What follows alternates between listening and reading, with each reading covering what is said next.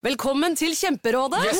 Denne gangen har vi fått inn et kjempedilemma fra en familie. Okay. Jeg leser Hei, vi er litt uenige i familien her. Mm. Hvis du skulle vært et dyr, ville du hatt gjeller eller vinger? Oi, den er tricky. Ja, Hva ville dere hatt, da? Altså, jeg vet ikke, men Med familierabatt får du ubegrenset data fra Telenor fra 399 kroner. Da kan du scrolle seg til svaret, rett og slett. Ja, ok, Men for min del Ja. gjelder. Nei, nei, Gjelder. nei, vinger. Nei, nei, gjelder. Ja, okay, ja, Kjempebra. Men eh, se nye mobilabonnement på telenor.no, da. Skal du pusse opp eller bygge noe nytt? Ikke kast bort tid på å lete etter håndverkere selv. Gå inn på mittanbud.no og lag en beskrivelse av jobben du ville ha gjort. Så mottar du tilbud fra flere erfarne håndverkere som du kan sammenligne. Med mange tilbud er du sikrere på at du velger riktig bedrift, og at jobben blir skikkelig utført. Mittanbud.no få jobben gjort. Denne går ut til alle dere foreldre som ønsker at barna deres skal bevege seg mer. Bare husk på dette lille verset. Bort med mobilen, alle mann, så drar vi til Leos lekeland. Lek så mye du vil til 20. juni. Gå ikke glipp av tilbudet Springpass. Vi ses på Leos. Bjørn Davan var kriminaltekniker ved Oslo politidistrikt i flere tiår. I denne episoden forteller han om da de jobbet i ukevis på Grønmo søppelfylling for å finne et avkappet hode, i tillegg til andre spennende historier fra virkelighetens CSI. Denne episoden ble først publisert på Podme i 2021, men kan nå høres gratis for første gang.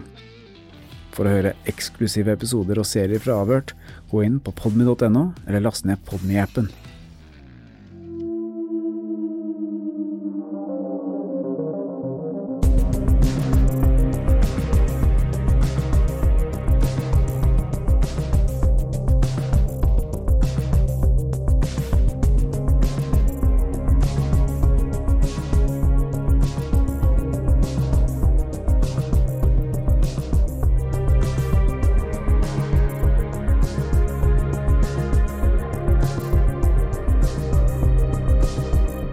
Stein Morten, nå sitter vi her med mange utklipp fra Vi menn. Vi leser overskrifter som heter 'Dødelig knivhugg' på en eh, lastebåt, 'Skuddene på Tveita', 'Like på parkeringsplassen', 'Torpedoens siste oppdrag'. Her ser du et, det her er åpenbart et menneske som er pakka inn i noe gaffateip og litt diverse. Og her står det 'Likjakt på søppelfyllingen', og bilde, et stort bilde av en politimann med en rive, eller sånn eh, møkkagreip, ute i en eh, fyllingsplass, på jakt etter deler av et lik. Ja, mannen eh, på bildet med raka, det er jo eh, Bjørn Davan. Velkommen til oss. Jo, takk for det, du. Du har jobbet eh, mange år i politiet. Hvor mange år ble det til sammen? Ja, det ble 36 år i Oslo, men eh, ca. 20, eller snaut 23 år av den tida så var jeg kriminaltekniker. Du er kriminaltekniker, det har alltid fascinert meg litt, fordi eh, man kaller det jo litt for de tause vitnene, og det har jo vært masse amerikanske TV-serier, CSI, og det er liksom ikke måte på hva man kan finne på et åsted. Er det sånn at du kan eh, løse en sak bare ved å undersøke et åsted? Ja, faktisk. Vi har jo løst flere saker eh, der det er mangel på taktiske eh, opplysninger. Så har det blitt løst rett og slett kun med de tause vitnene, som vi kaller det. da. Med blodspor eller andre tekniske ting. Ja, altså, I alle disse artiklene her, dette har jo vært en sånn serie Vi menn, skjønner jeg. Det, her, det er flere. Det er Dødens lugar, og det er blodbad, i- blodbad i bedehuset.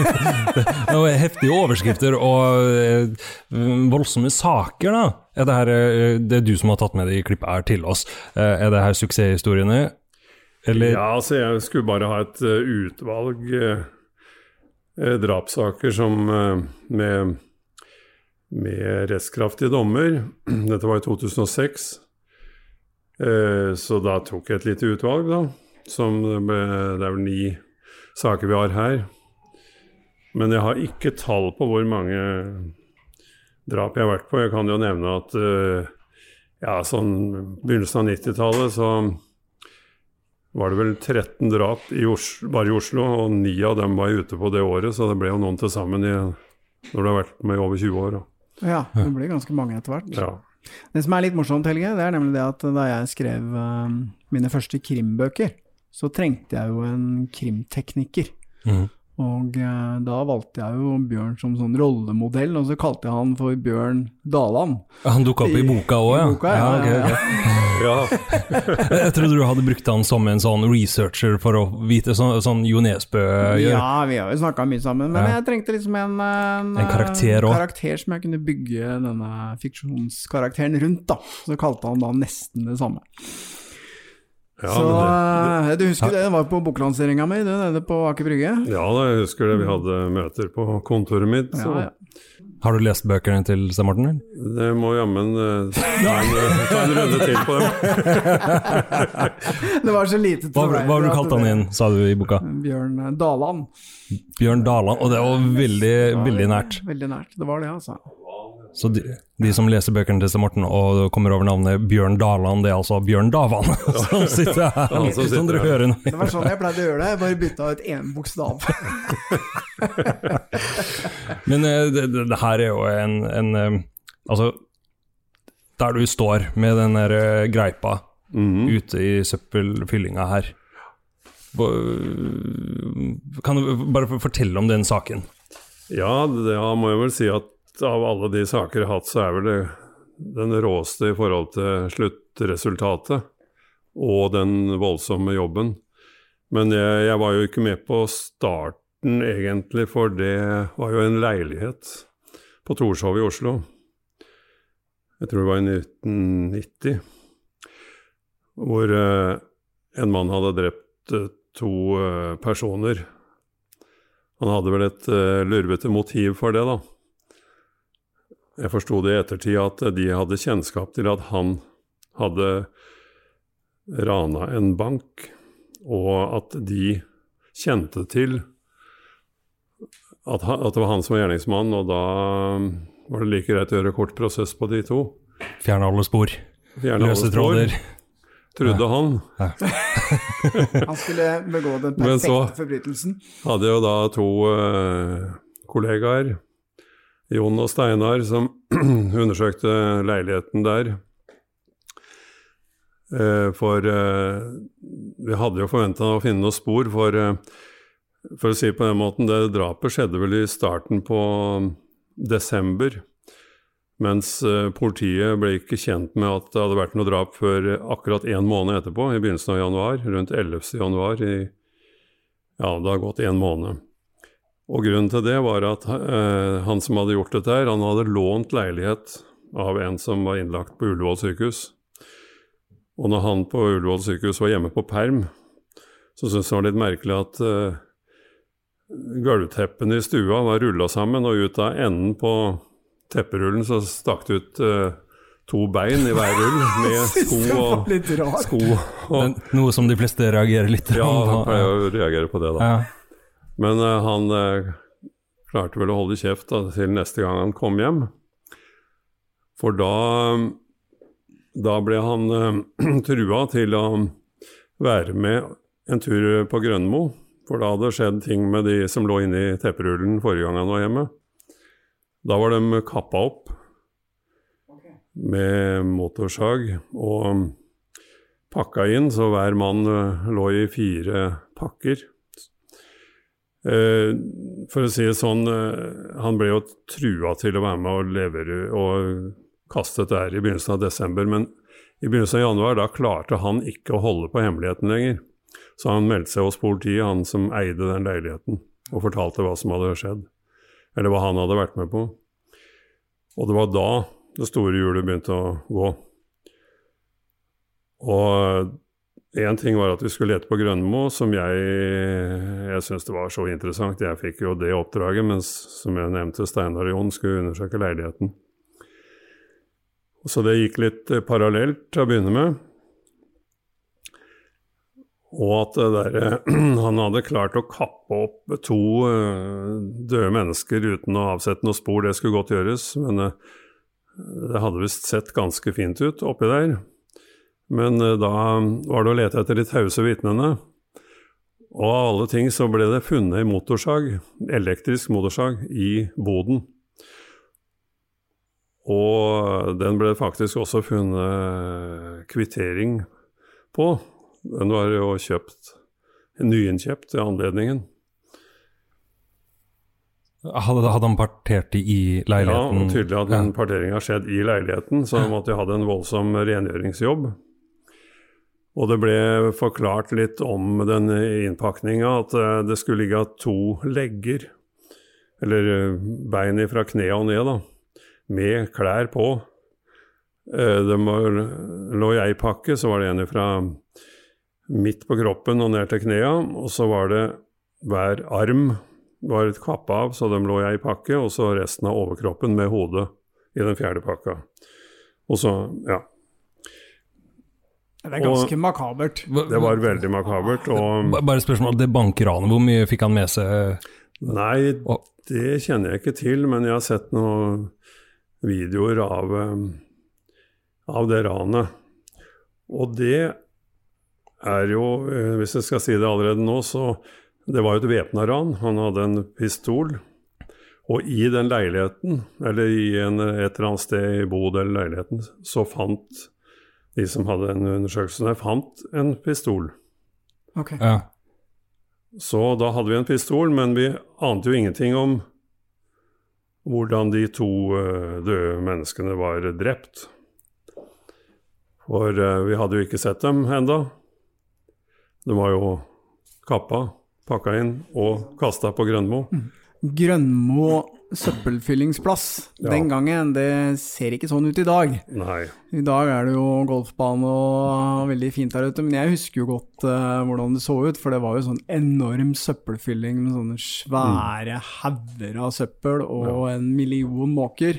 Ja. Det er søppelfyllingen er fremdeles i dag, men uh, Ikke på ikke den, på den måten. måten, nei. eh, Nei, men gangen, det, det som var fint eh, Den gangen så var forbrenningsanlegget på på eh, ja, det forbrenningsanlegget der ute var eh, satt i gang som alle matvarene, all matavfall, ble brent. Og eh, det var helt minimalt med matavfall i, på Grønmo, for det var mer sånn tørr søppel. Okay. Og det hadde mye å si for lukta. For under gravearbeidet så viste det seg at vi var inne i et område med matvarer for at eh, på Klemetsrud på forbrenningsanlegget hadde vært ute av drift en dag eller to. Og det kjente vi veldig godt. Men bare øh, om jeg hørte riktig, han, øh, den personen, bankraneren, han tar livet av to stykk som tar rede på at han står bak det bankranet, Ja. og, og, og ruller de sammen i tepper, og så kommer eieren av den leiligheten og ser de her teppene med de føttene, Mm. og så plutselig befinner begge to seg ute på Grønmo. For, men da hadde bankraneren allerede tatt de to med til Grønmo og fjerna de, Ja da. men så skulle han ha eieren av leiligheten med òg ut på Grønmo. Ja, for han, han ble trua til å være med ut den dagen, den dagen dette her skulle skje, og kvitte seg med de pakkene. Ikke sant, ok. Så når vi kom ut på Grønmo en uh, måned senere, som jeg nevnte, da, og tok kontakt med de som jobba der Jeg husker uh, Odd, som hadde jobba der i borti 30 år, han eh, var en veldig nøye kar. Når vi nevnte det at for en måneds tid siden skal det vært noen her og rygga ut, eller vært her og kasta noe greier, muligens en fredag Ja, det kunne jeg huske. En fredag ettermiddag, rett før stengetid, kom det to karer i en, varebi, en, en stasjonsvogn og rygga lenger ut på fyllingskanten enn han uh, ville ha tillatt. Og de gikk ut, og åpna bakdøra og kasta ut noen pakker. Smelte igjen døra og reiste. Jeg husker enda de hilste til meg, de reiste sånn. Og borte var de. Jaha. Da, hvor, var, hvor var fyllingskanten da? For fire uker sia. Og så klarte han jammen meg sånn røftlig røffelig å si at eh, altså når du fyller flere billass hver dag i en hel måned, så endrer det seg stort. Men han kunne huske ei lysmast som sto der, som blir flytta sånn til stadighet når det, fyllinga vokser. Omtrent der var vi da, sånn, i begynnelsen av desember. Og når vi begynte å grave der med gravemaskin, grave opp komprimert søppel som var pressa sammen med en 70 tonns eh, komprimator, så kunne vi grave opp én kubikkmeter eh, komprimert søppel ble mellom tre og fire kubikkmeter med løs masse. Så det var enorme mengder som skulle opp. Og alt dette her skulle vi sortere på en eh, flate ute på terrenget der. Som eh, ble klargjort med bulldoser av de som jobba der ute. Så vi hadde veldig fin bistand av de, men det var én med gravemaskin, én med hjullaster og seks politifolk, hver av de seks med potethakker, sånne som vi skulle lete etter pakker med svart plast og brun 5 cm bred teip. Og jeg skulle da på en måte lede dette her, og det var ikke lenge vi hadde gravd før vi fant søppeldyngas almanakk, og det var eh, tomme mjølkekartonger. For Ja. dem er det jo dato på, utløpsdato. Så der vi begynte å grave, sto det jo oktober.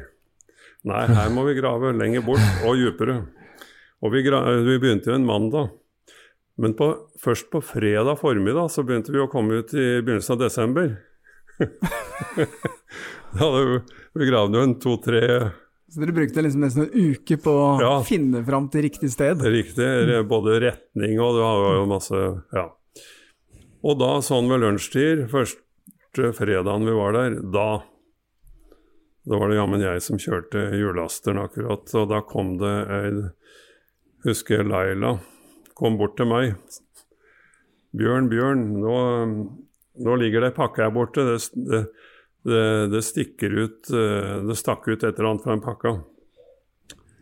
Og som jeg minnes, så var det to armer i den pakka. Det stakk ut en tommeltott. Faen Og, og da, var det jo, da måtte vi bråstoppe, for da hadde vi på en måte et åsted. Mm.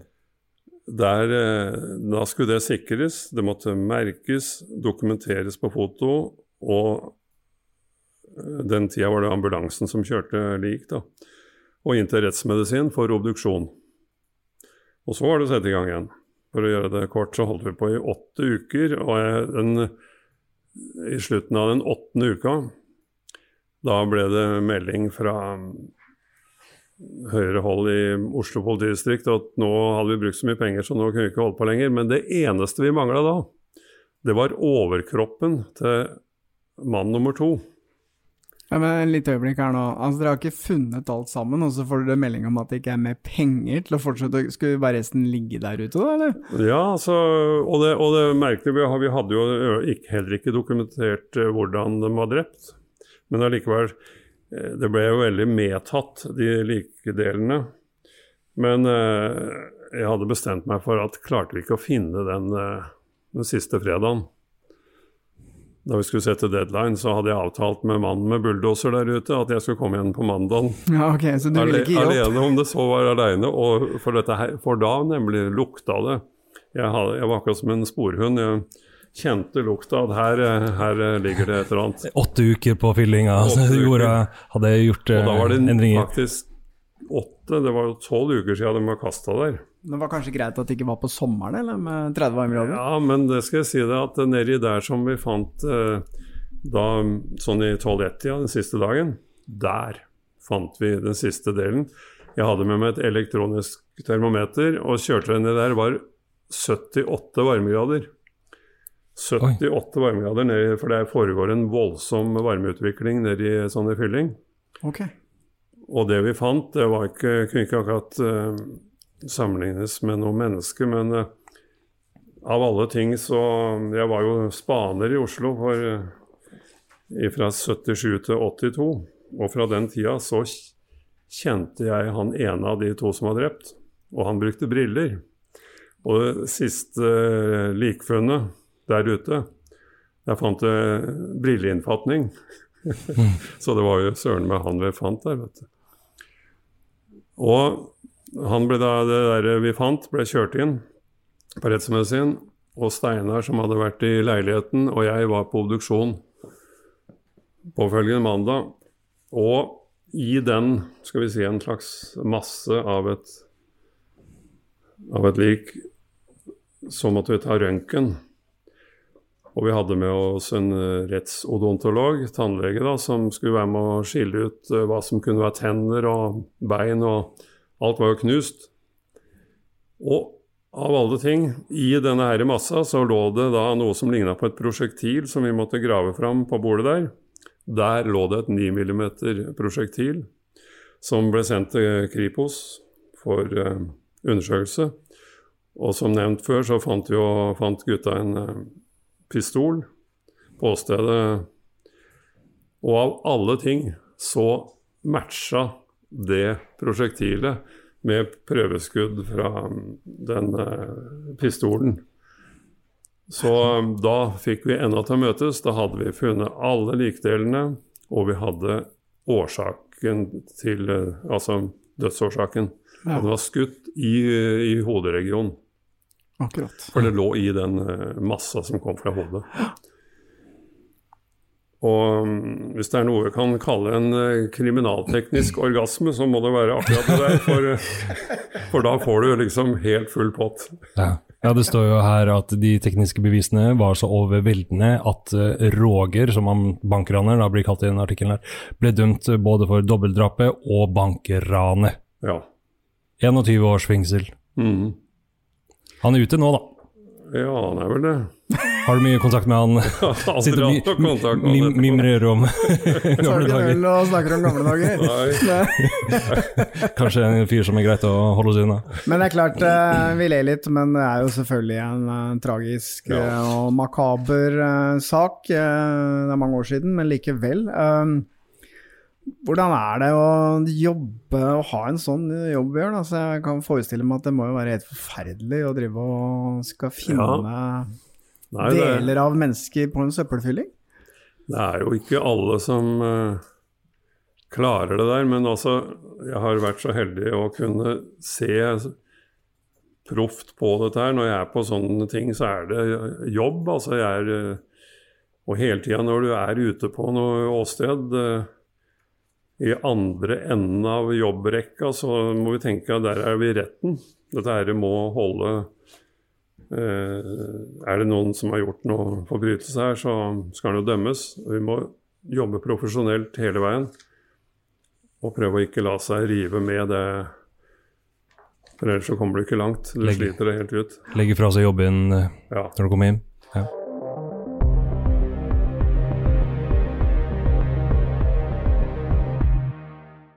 Ungsamtalen fra DNB er økonomisk veiledning tilpasset deg som er ung. Bokk en ungsamtale på dnb.no. ung. Ok, det var jo en syk døll måte å forklare ungsamtalen på, da. En smart prat om penga mine, ville jeg sagt. Ikke sånn kjedelig økonomisprat, skjønner du. Men du har jo hatt uh, mange drapssaker. Er det noen saker du husker spesielt som har gjort liksom litt mer inntrykk på deg enn andre? Jo, altså Men det er jo noen saker som eh, Jo, ja, som har gjort veldig inntrykk. Det er jo f.eks. når du kommer på et åsted med flere lik, altså sånne nærmest familietragedier. En far som har drept både barn og, og kona si, f.eks., som jeg hadde en gang, hvor den minste ungen kunne ikke gå ennå engang. Men så har du andre tilfeller da, med saker hvor du har store opplevelser rundt, eh, rundt saken. Som f.eks. i 2003, når jeg eh, var på vei fra var på vei hjem en søndag ettermiddag ble, ble oppringt av eh, lederen på Kriminalteknisk i Oslo og lurte på om jeg kunne bistå og dra til um, India dagen etter. Ja, den uh, historien har jeg jo uh, hørt. Uh, jeg har til og med brukt den i en bok også. Ja. For da var vel broren min det, var han ikke det? Ja, bror din var jo jurist og det, ved Oslo den gangen, og Kurt. Det er den saken. Der har vi den. Dødelig knivhugg på Takai Fair. Ja, det var en tank, tankbåt på vei fra Canada til uh, India, som utafor uh, på vei inn mot Indiahavet, heter den der. Hadde, der hadde foregått noe på natterstid med at en uh, byssegutt hadde gått litt berserk med kniven. Så øh, den ene personen som ble stukket, han kom seg unna og overlevde.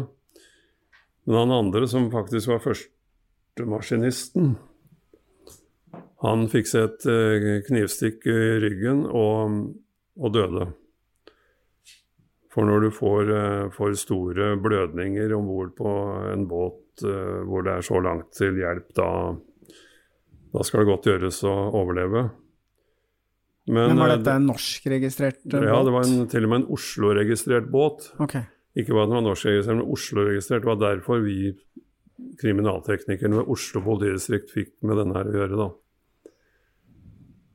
Og der dro vi jo nedover et team da, med Petter og meg som kriminalteknikere. Og mm, din bror Kurt, ja, som mm, jurist. Og så var det Finn som avdelingssjef.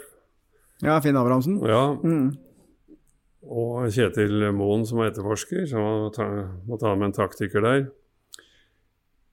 Og så var det da en fra rederiet som, eh, som eh, hadde med Dette var jo inndelt, skjønte jeg, i rederiet, så han hadde med mannskap i hele rederiet å gjøre, så han var jo naturlig at han måtte være med på dette her. Og en nordmann som vi møtte når vi kom til India, som ble den en av de viktigste innledningsvis, det var eh, en eh, som jobber på ambassaden i New Delhi, som møtte oss i Mumbai. Og ble med til Jamnagar, som, eh, utenfor Jamnagar, som er en by eh, Det er nesten eh, samme innbyggerantall som i Oslo. Men, men det er jo ikke noe turistby. Jeg tror jeg vet ikke om det har vært en turist der noen gang, for det var nord-vest i India mot Pakistan. Så vi fløy en time fra Mumbai opp dit. Og for å få gjort noe som helst der i forhold til å si, korrupsjoner og masse greier, og få tillatelser, så var det Ja, det var vel Halvorsen fra Han var jo da Hadde tittel som konsul på den, på den turen sammen med oss. Så vi ble godt kjent, vi var sammen i mange dager. For uh, alt hadde jo skjedd på den tankbåten som ikke fikk legge til land, men som lå uh, Jeg mener det var 11 nautiske mil ute. Han lå på en sånn bøye som Det var jo Asias tredje største oljehavn. Og det lå sånne bøyer langt utover med ledninger inn til land. Og og det, bare det for å få tillatelse til å dra ut der av politisjefen i Jamnagar, det var jo en jobb vi holdt på med i to-tre dager. De hadde veldig lyst til å blande seg inn, disse herre, for å gjøre noen penger, tenker vi da, vet du. Men da de dagene hadde gått, så dro vi ut med en uh, taubåt. Det var over 20 mann med på båten. um, Om bord på den, Oslo-registrerte båten så var det faktisk bare spanjoler og filippinere. da. Den siste nordmannen hadde gått til land 14 dager før, og det var en, en, som hadde vært kaptein. Bare sånne opplevelser, da. Når vi kom ut der, en, en båt som Han hadde vel Det var ikke noe last om bord. For han, han, lå så høyt, altså den der skutesida som var over ti meter høy, med en taustige en sånn leider på utsida, så skulle vi opp der med ja, bagasjen. Den ble heist opp med tau, da, men det, bare det var en prøve for oss landkrabber. vet du. Også, ja, det vil jeg tro. Klatre opp en ti meter taustig. Ja, den, den, ser vi jo her på bildet. ja, heldigvis. Ja, det er ordentlig som Pirates of the Caribbean. Heldigvis var det fint vær. Vi så noen uh, finner ute i havet der, men det var visst delfiner og ikke hai. det kunne jo vært det. Jo da, vi kom om bord og og ble fint mottatt der, og han avdøde. Han lå jo i, på frysa. Ja, de hadde puttet den i fryseren, ikke sant? Det, var det, fry, det var ikke bare kjølerom, det var fryserom, og det var noe så kjempekaldt. Det var 40-50 minusgrader inni der. Så han ble da tatt fram til oss som skulle se på dette her, men det, det var jo da to uh, politi fra India som også ville delta på dette her. Og og en fra hospitalet, en professor Gupta, som var med på, på dette her. Og, og, vi hadde jo sett for oss at vi skulle ha med avdøde på flyet hjem til Oslo og obduksjon i Norge. Men det, der ble det satt en stopper av myndighetene der nede. Det skulle foregå der. Og ikke bare skulle foregå der, men skulle foregå om morgenen dagen etter. Og vi kom jo dit eh, på kvelden. Jeg bare så for meg det der med den fryste kroppen som skulle obduseres, men det var jo ikke akkurat mitt problem, eh, egentlig. Nei, for det var vel båndtæla? Der var det var båndtæla. Og eh, da gjorde vi jo dokumentasjon som vi trengte der ute. Han som hadde gjort dette her, eller som var um, mistenkt for det, da, han eh, satt jo i arrest i en lugar med to vakter med langkøller som satt på utsida, og det var jo ja, det var jo en verden for seg sjøl, akkurat det, og i forhold til våre hva vi var vant til. Men eh, de var jo fortsatt, ble jo fortsatt om bord. Men det var konsulen og jeg som eh, fulgte med inn igjen med båten da på natta. For da skulle jeg på obduksjon dagen etter sammen med han Gopta. Det var jeg veldig spent på. Jeg hadde med meg verneutstyr. Vi, eh, vi overnatta på hotell, vi hadde et hotell der inne i Amnagar. Og bare det å se ut der med alle de dyra, de der hellige kuene, og griser som fløy rundt i, i kjerr og greier, og ja, det var en opplevelse uten like. Og det var 41 varmegrader hver eneste dag der. Så ja, så dro vi til hospitalet. Vi hadde jo en eh, egen sjåfør med bil da, som kjørte oss. Og når vi kom dit og hilste på, så eh, hadde vi møte inne hos Gopta, men da måtte han ha en anmodning fra norske myndigheter om at jeg skulle, jeg skulle være med, som representerte Norge.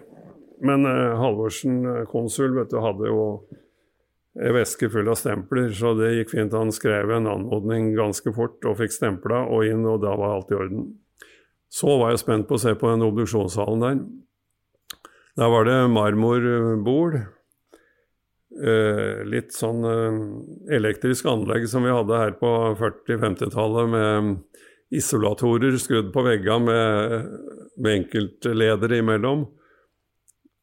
Eh, avløpet fra det obduksjonsbordet var et lite høl midt på bordet med ei renne ut, og renna gikk bortover gulvet og ut gjennom veggen. Så alt eh, fuktige som kom fra det bordet, det havna rett på utsida av, Så det bare av rett utafor veggen? Ja, på okay. sykehusområdet utafor der så gikk det kuer overalt. Og beita. Jo da, og så hadde de da mm, Jeg var jo vant til veldig flott utstyr på rettsmedisin her, vet du, med når du skal eh, åpne opp og skjære bein og med avtrekk og Men der hadde vi en vanlig drill med en liten aksling med sånn lite tannhjul på, så kjørte i vei så det spruta Men jeg sa jeg hadde med meg verneutstyr, og det var litt uh, morsomt. da, For jeg fikk, uh, ja, de så veldig på meg som hadde sånn papirdresser. Men de, ja, men altså, om om det var mye rart sånn med utstyret, som ikke jeg var vant til, så opplevde jeg etter hvert at de her folka der, de var vant til dette her. De var proffe. Der, eh, der var det ikke noe å si på det. Så eh, uansett til slutt så må jeg si at de var veldig eh, proffe på det de holdt på med. Men og, og, men i den derre tæla like, for å si det på sant? Østerøl, så, så jammen fikk hun åpna og sett uh, hva som var dødsårsak, at kniven hadde gått inn bak og inn i lunger, og, og det ble, var punktert på en sånn måte at han blødde i hjel ganske fort. også. Okay. Men kniven, den har vi aldri funnet. Men ja, vi skal gå tilbake til han eh, til båten, da. Jeg dro ut der igjen etterpå. Jeg må bare korte inn litt her nå. Der eh, og om bord på båten igjen og mm, så på han eh, arrestanten. Han Av klær så hadde han bl.a. en olashorts som vi skulle beslaglegge. Og bak på den så var det en bitte, bitte, bitte liten blodflekk. Det var, det var nesten så Ja, det var nesten flaks vi så den. Eh, Så den her ble interessant. Hvem sitt blod var dette her? Eh, Når det gjaldt blodet, det gjaldt klærne til eh, liket, så de hadde tatt av det, men pakka det i en sekk og ikke lagt det på frysen, så det var, eh, det var helt råtna i 40 varmegrader. Så vi fikk så vidt tatt bilde av det, men eh, da måtte vi stå ute på dekk. For det, det var noe så voldsomt til lukt at eh, det måtte vi bare destruere. Vi kunne ikke ta med, ta med det på flyet hjem til Oslo. um, men da vi tok med hjem den derre shortsen til han eh, gjerningsmannen, og vi tok med gjerningsmannen til Oslo da, via Mumbai, så viser jeg at den bitte lille blodflekken, det matcha med avdøde. Og så begynte vi at Ja, det hadde jo vært litt sånn taktisk eh, jobb om bord, vet du, med han Kjetil og prata med, med de som, andre som jobba der. Så han eh, som ble pågrepet, hadde jo bl.a. vært borti døra til en, en lugar til en kollega av seg. Og så spurte vi kunne du se om han hadde noe kniv. Nei, det så han ikke, for han hadde henda på ryggen hele tida mens han snakka med han. Og så tenker vi aha, kanskje han hadde med seg kniven der og da, men holdt den på ryggen, og så var det blod på kniven, og at den har vært borti buksa si ettersom han har fått den inn på baksida av kroppen sin. Så vi fant en sånn naturlig eh, sammenheng der. Men kniven den kunne jo ligge på havets bunn, for den har vi aldri funnet. Nei, sannsynligvis så pælma han ja, den. men det her holdt til eh, Så han ble dømt til mange års fengsel. På grunn av den lille blodflekken på shortsen. Og det her har vi et eksempel på at ingen som har sett det der, men eh, faktisk det var avgjørende. Ja, Det var liksom begrensa hvor mange som kunne ha begått uh, det Mm. drapet her òg, siden det ja.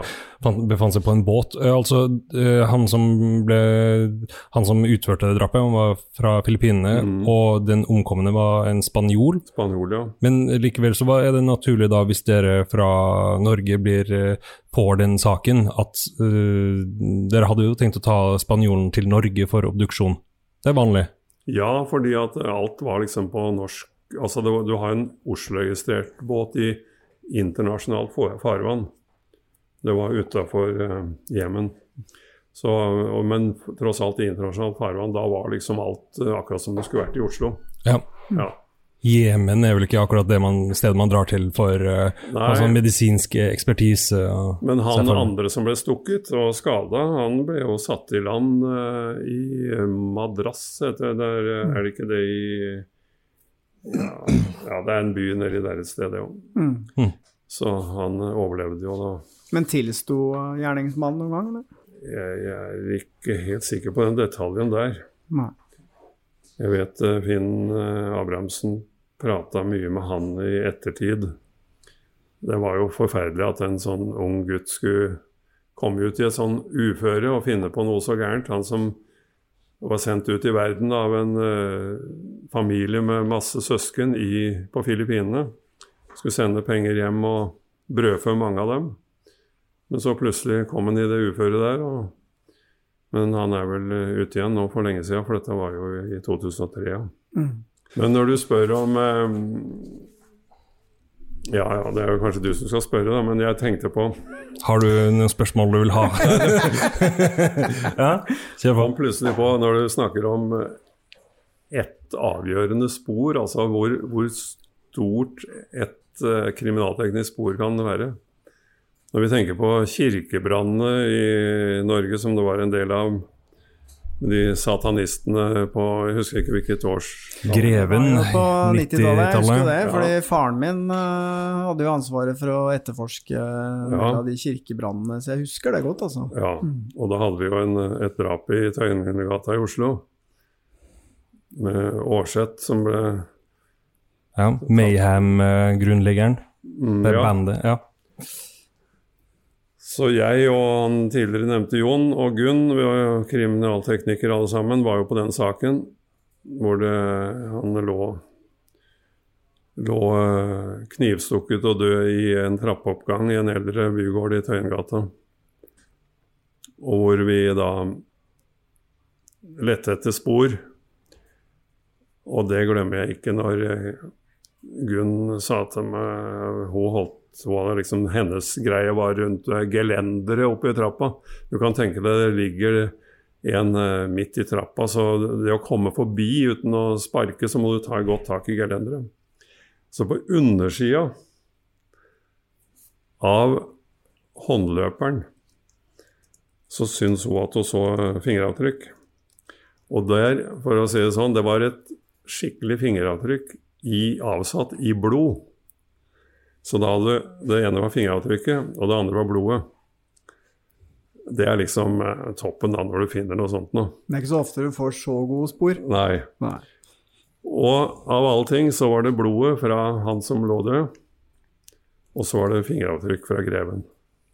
Var det det som felte greven? Ja, i tillegg til så hadde han eh, kameraten hans som, eh, som ble pågrepet og avhørt i Bergen av eh, Magne Eilertsen, som eh, hadde avhørte han i, etter alle kunstens regler, og han brøt sammen og tilsto, som det heter.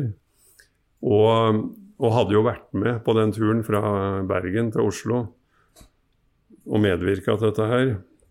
Og hadde jo en del ting som, rundt det der. Og, og da plutselig så kom det jo tilståelse på flere kirkebranner.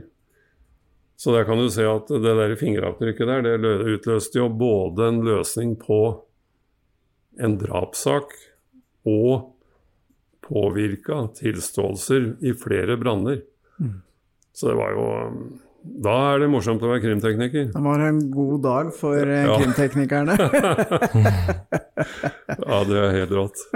Men det jeg vet meg merke i en av artiklene, jeg lurer på om du har den der borte, men, mm. men det, var i hvert fall, det handler i hvert fall om en kjent torpedo i Oslo. Om en eh, kjent torpedo som hadde et oppdrag eh, Eller som, ja, oppdrag å ta noen av dage i en MC-klubb. Konkurrerer ja, Det var sånne rivaliserende tilfeller. Og, og det endte jo opp med at han sjøl forsvant. Vi, vi, når vi ble oppmerksom på at det hadde skjedd noe oppe i MC-huset oppe på Alnabru, så vi hadde jo ikke noe lik, men eh, det var jo noen opplysninger som kom fram. Nå, jeg klarer ikke å huske alle detaljene i den saken, men eh, det var jo så mye spesielle ting der òg, vet du. For i det lokalet så var det altså slanger og det var ei diger øgle på halvannen meter som eh, var inni et bur, og så var det 15 forskjellige slanger fra de minste til de aller største du kan få tak i. Så vi måtte ha Veterinærhøgskolens representanter der for å ta vare på dette her, før vi, før vi fikk gjort en ordentlig åstedsundersøkelse. Det var som å komme inn i en dyrehage. Ja, det var omtrent som å komme i en dyrehage. Og, og jeg husker enda Det var jo en ransaking etter narkotika der på slutten av vår undersøkelse, da narkotikaseksjonen kom inn i bildet, og en som kjente nedi en sånn glassbolle der eh, med noe bark i bunnen, hvor det hadde vært noen insekter. Og så kjente han noe som beveget seg rundt fingeren. Og var søren meg en liten slange nedi der òg. Så det var, det var overalt. Men under um, under dette her, ja, så ble det jo eh, observert en eh, varebil som hadde stått litt lenge på, ut, på parkeringsplassen utenfor Roa jernbanestasjon og på Hadeland. Inni der lå han som eh, ble drept. Det ser vi her. eh, En l- litt mer sånn tydelig innpakking enn eh, de delene dere fant ut på Grønmo, her, og hele kroppen som er pakka inn Ja. og surra sammen. Du ser jo ganske tydelig, her stikker jo sko ut. Og, og det der er altså torpedoen. Ja, det er torpedoen Ja. Som skulle ta noen andre som ble tatt sjøl. Og det var jo litt eh, voldsomt hvordan han så ut. Eller, det var tydelig at de har ikke visst riktig hva de skulle gjøre med han. Ettersom de hadde pakka han inn på den måten der, og teipa noe voldsomt. Lagt den på en pall inni en varebil og kasta over både flislim og mørtel, så det skulle være nesten ugjenkjennelig. Ja. Og bare parkert den der til eh, ja, på ubestemt tid. Og så ble den funnet. Ja, Det virker jo ikke veldig eh, gjennomtenkt. De må jo ha skjønt at uh, det her ville bli oppdaga på et eller annet tidspunkt.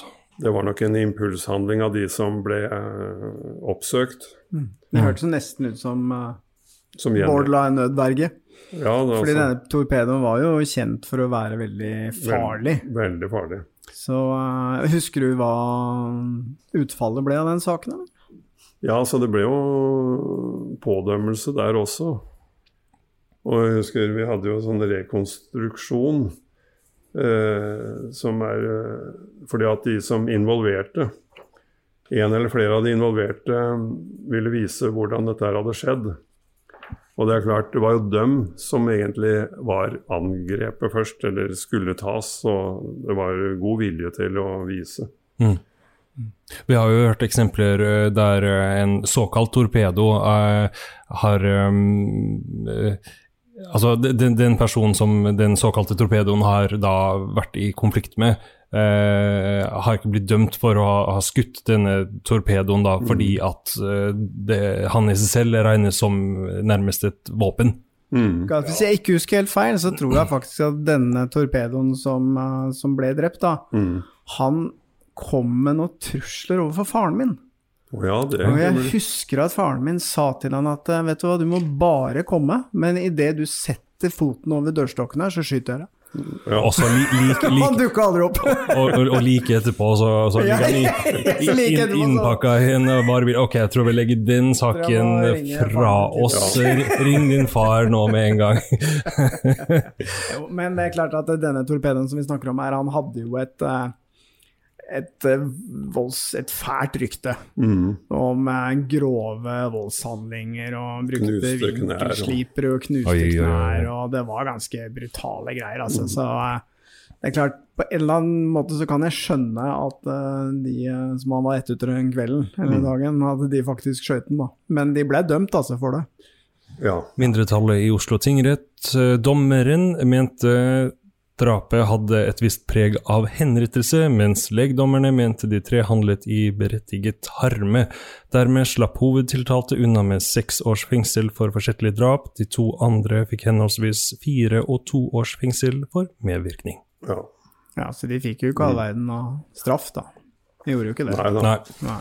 Men nå er det sikkert eh, Nå har vi jo holdt på en stund, men eh, jeg tenker at det er sikkert mange som hører på dette her, som lurer på nå om eh, er det mulig, Bjørn, å begå det perfekte drapet? Og kan vi få noen tips? For jeg har uh, hender jeg er litt sånn irritert på Helge. Ja, så det, og det, jeg, jeg har tenkt på det her. Eh, båt, det er sånn utelukka en dårlig idé. Da må du i hvert fall eh, Da må du ikke bli oppdaga av vaktmann. Ikke bli oppdaga. Eh, søppelfylling, dårlig eh, idé. Hva, hva skal man gjøre, da? Hvis du Ja, har noen sånn. du skal bli kvitt? Å ja, det finnes nok metoder for det, vet du, men uh, Er det mulig å slippe unna? Jeg mener, I dag så er det jo det, ikke sant, du har fingeravtrykk, du har DNA, det er jo eh, det er blodspor, det er Altså, det er jo så mange ting man kan finne på et åsted. Er det, liksom, er det, Det jo- mulig i det det hele jo- tatt å slippe unna? det må jo finnes uh, mulighet for det. For det er jo stadig folk som forsvinner, som du aldri finner igjen. Og hvor er dem hen? Er de uh, forsvunnet av seg sjøl? Jeg skal vedde på det er mange som er tatt av dage. Og... Men en annen ting er det at jeg av alle de drap og det jeg har vært på i Oslo gjennom eh, alle disse åra, så er det kun ett drap som ikke er oppklart. Og det var på han eh, Det var oppe i På Torshov. eh, En forsker som forska på etniske minoriteter. Som eh, ble funnet drept eh, ca. tre uker etter at, den, etter at det hadde skjedd. Da. Og der var det alle kriminaltekniske spor som det er mulig å oppdrive. Men det er tydelig at dette her er foretatt av en person som i hvert fall ikke er kjent av politiet fra før. For det, det finnes ikke eh, fingeravtrykk eller DNA i noe arkiv som matcher med det som vi fant der. Men eh, nøyaktig hvordan dette hadde foregått og alt det kan jeg ikke si, for eh, kanskje plutselig en dag så dukker det opp en Jeg vet ikke hvor mange saker du Nei, det, det holder det vi har. Jeg bare legger merke til at vi får ikke noen sånn konkret tips her, Helge, på hvordan vi skal bli kvitt Lars. Jeg har noen Hvis vi er litt lei Ja, jeg har jo Altså det, det, men det må jo ha blitt vanskeligere nå i dag enn det det var på 90-tallet. Nå har du kameraovervåking, du har bompasseringer, du har mobiltelefoner som trekker hver eneste bevegelse. Jeg har tenkt gjennom steg for steg hvordan jeg skulle gjort det, om jeg skulle da gjort det da i det uh, usannsynlige universet. Men uh, ikke sant, du, du legger jo må ikke ha med, med tracking-instrumenter, uh, som mobiltelefonen, det må legges inn. Men det bør kanskje være aktivitet på mobiltelefonen, så da får du noen til å bruke mobiltelefonen. Men da har du fått med, med, med en, en partner in crime, da, så da har du det problemet. Ok, jeg hører at Helga har brukt mye tid i det ja. på å tenke gjennom dette. Bytte bilskilte på, eh, på bilen. Ja, altså det der med å kvitte seg med offeret, det, det må jo gjøres på en fullstendig måte, da. Skogen. Ja.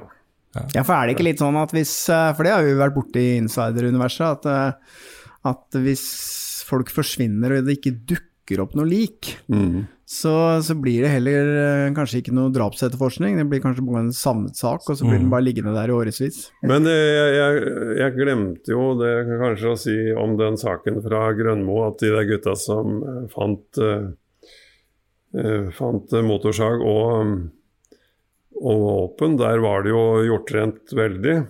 Men i og motorsaga var gjort rent, men i det sporet på sverd, kjede, sverdkje- sverdet på motorsaga, helt nede i det dypt i det sporet, der fantes det spor med mulig DNA, som det var DNA fra de gutta som var drept. Og det samme i, i leiligheten under vaskelister og sånne steder. Hvis du, ikke, du må bryte opp og gjøre rent noe fryktelig hvis det renner blod utover gulvet f.eks. Blod er jo veldig Det kommer jo inn i sprekker og og er det tregulv med det minste sprekk, så havner jo ned der. Og da er det bare om å gjøre som krimtekniker å finne tilbake til det. Og du har jo forprøvingsmiddel som du kan spraye på. Om du ikke ser blod, så, så får du en kjemisk reaksjon som får blod. I form av skum eller fargeendring som du kan få fram med spesiell belysning osv. Men nå etter at jeg slutta, så har det jo sikkert skjedd enda mer i den retningen. Så vi kan egentlig konkludere med at uh, du blir tatt. Ja. Dere er så flinke at dere finner det som skal til, så uh, det er en dårlig idé å, å ta livet av noen. Skal Ja. vi si det, Helge? Ja, man kan nekte, da. Man kan nekte til evig tid, eh, som eh, Orderud-gjengen gjorde, men det du blir rart. Ja. Men tusen takk for at du kom. Jo, bare hyggelig. Avhørt er produsert av Batong Media. Redaksjonen vår består av Stein Morten Lier, Helge Molvær og Lars Christian Nygårdstrand. Temamusikken vår er laget av Altered States, og hvis du vil høre eksklusive episoder av Avhørt, gå inn på podmy.no eller last ned Podmy-appen. Du finner oss på Facebook som Batong Media, eller på Instagram som Avhørt podkast.